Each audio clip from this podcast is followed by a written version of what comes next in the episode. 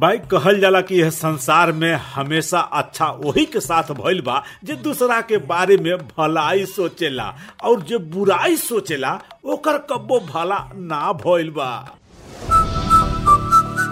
Big F M podcast नमस्कार हम है आरजे चोखा आ रउआ सुन रहल मानी गोनू झा के गुदगुदाते किस्से जे हमें आज हम रउआ के सुनाई गोनू झा और गिरवी आँख वाला कहानी।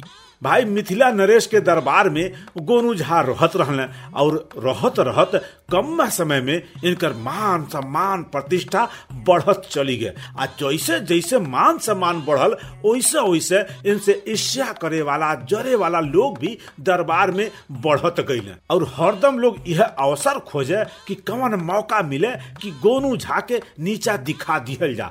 ऐसन सोचत सोचत गोनू झा के विरोधी लोग के एक गो गुट बन गए आ यही विरोधी गुट में रहने एगो भूखन मिश्रा नाम के दरबारी। ई दरबारी गोनू झा से कुछ अधिक ही शत्रुता रखत रहले बाकी उनकर कोनो ज़ोर त गोनू झा पर चलता ना रहा है। भूखन मिश्रा का बचपन से ही एक गो आँख बंद हो गई लाल है, माने भड़क गई लाल वो सिर्फ़ एक आँख से देख पावत रहले और अक्सर यह बात के लेके इनकर यार दोस्त उपहास उड़ावत रहे मज़ाक करते हैं इनका से। एक दिन विरोधी गुट इकट्ठा होके आपस में विचार विमर्श करे लगल। देख लिया। एक दिन गोनू झा महाराज का प्रमुख सेनापति भी बन जाए तब तक भूखन मिश्रा बीच में बोल पड़ले हाँ हाँ हमरा के एकदम साफ़ नज़र आ रहल बा। बाकी इनकर साथी लोग खूब ठठा के हँसी दिले।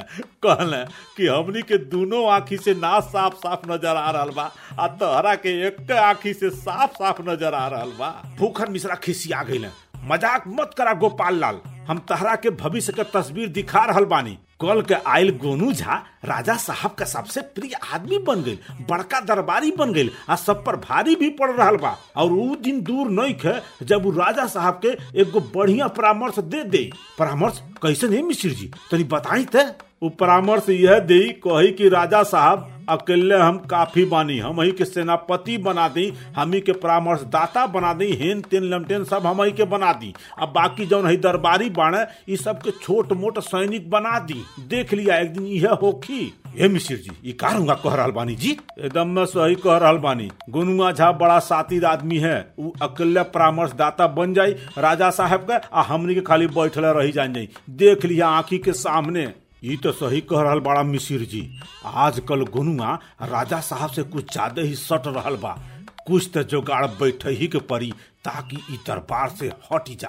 नहीं हो आसान बात ना है ओकरा के हटावल। बे, काहे आसान बात ना है? अरे हम कह तानी प्रयास कैला में का लगल बा?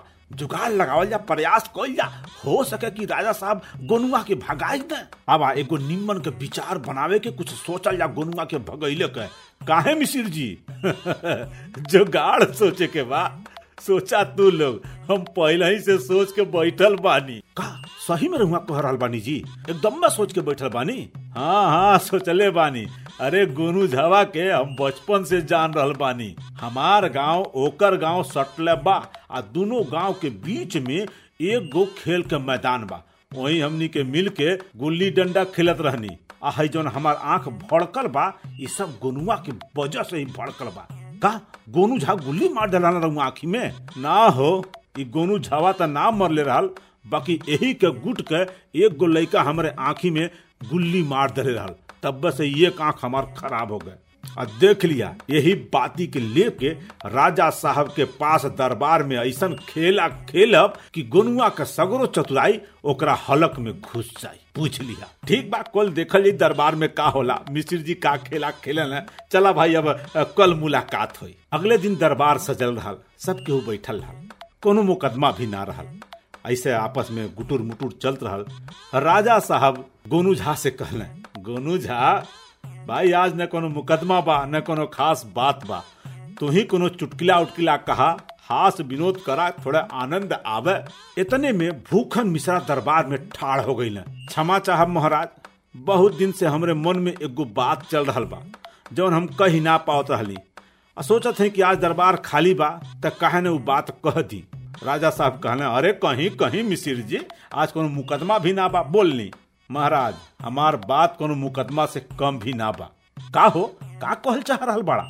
राजा साहब पूछले महाराज, हम गोनू झा के बारे में एगो शिकायत लेके आइल बानी।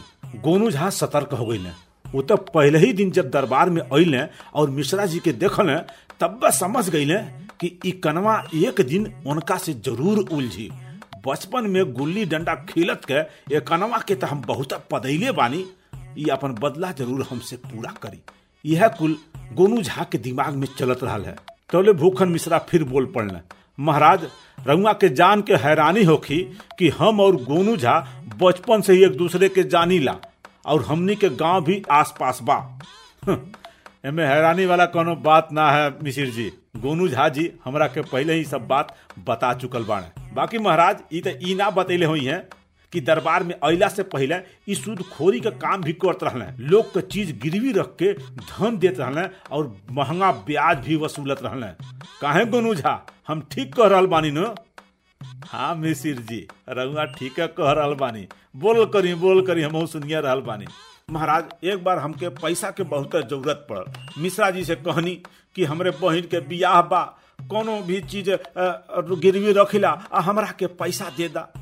ई देवे तैयार हो गई और हम अपन सबसे कीमती चीज़ इनका पास गिरवी रखी देनी। अब महाराज वो बात का कईयो साल हो गए। बाकी हम पैसा और ब्याज दोनों इनकर दे रहल बानी। वो बेशकीमती चीज़ हमारे वापस ना कर रहल बाने गोनू झा। महाराज, न्याय करी और हमार बेसकीमती चीज़ दिलवाई। गोनू झा बोल पड़ने, मिसिर जी, अरे का है वो बेसकीमती चीज़? तनी हम तो बता दी।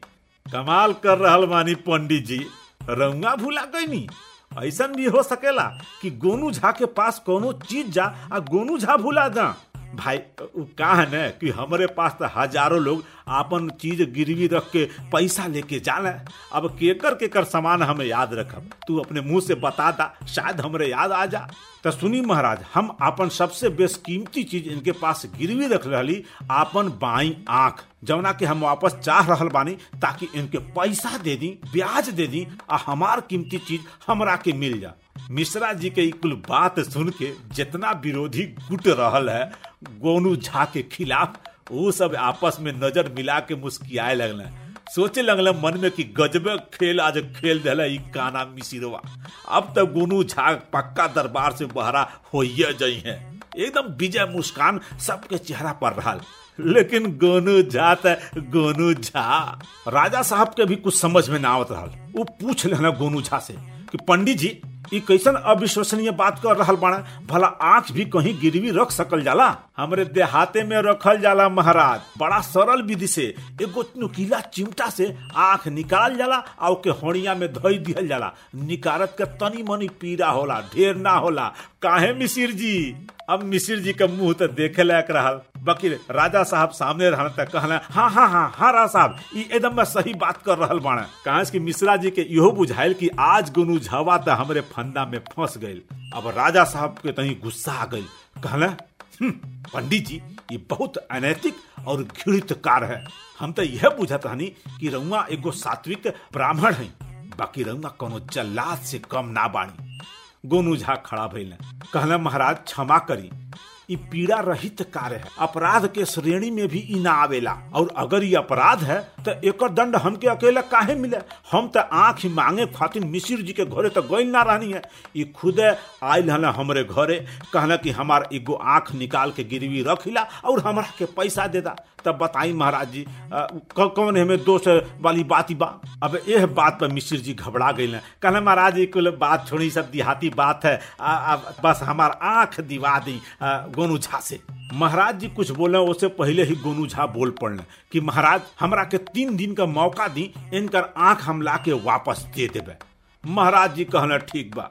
गोनू झा भी निकल गई अपने घर के तरफ़। सभा विसर्जित हो गए। अब विरोधी गुट आपस में मिलके खूब हाहा करे लगल कि गोनू झवा तक खूब फंस गया। वाह, मिसिर जी, वाह, खूब दिमाग चलेली जी। अब तो पक्का दरबार से बहरे निकराई जाई। अब एक यहाँ ठिकाना ना रही। आहा, आनंद आ गई हो। देखल जाई दू तीन दिन बाद ये गोनू झवा का करेला। तीन दिन बीत गए दरबार में गोनू झा एगो हड़िया के साथ उपस्थित हो गई आ उनके हाथ में हुक्का चिलम भरे वाला एगो चिमटा भी रहा है उनके देखते महाराज जी आश्चर्य से बोलने का झा जी मिश्रा जी के आँख रंगवा लैली कि ना लैली? बिल्कुल महाराज, जब रउआ के आज्ञा से मिश्रा जी हमार पैसा और ब्याज का धन लौटावे खातिर तैयार बाने तो हम आँख रख के का करब? हम तो लौटेबा करब न? एकदम हम तैयार बानी। बाकी महाराज, एक गो समस्या बा। ये हणिया में पचास साठ लोगन के आँख बा। अब हम कैसे जान पाए कि मिश्रा जी के कमन अखिया है? तो काहे ने इनकर अखिया हम निकाल के आ हणिया के अखिया निकाल के मिलान कैली ओकरे बाद जवन मिलान हो जाए उ इनका के दे देबे? अब त मिसिर के काट तक खून नहीं। उनका जितना चेला चपाड़ी गुट रहल उहो सब सन की अब का होई, अब का होई, खुसुर फुसुर होखे लगल।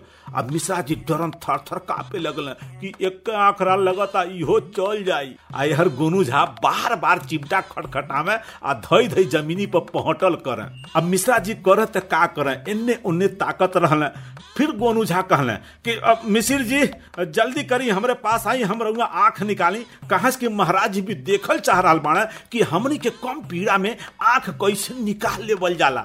मिसिर जी एकदम में कांपे लगल त्राही माम त्राही माम चिल्लाए लगल और आके गोनू झा के गोड़ पकड़ लहल और रोवे लगल कहले महाराज, हम अपन अपराध कबूल कर रहल बानी।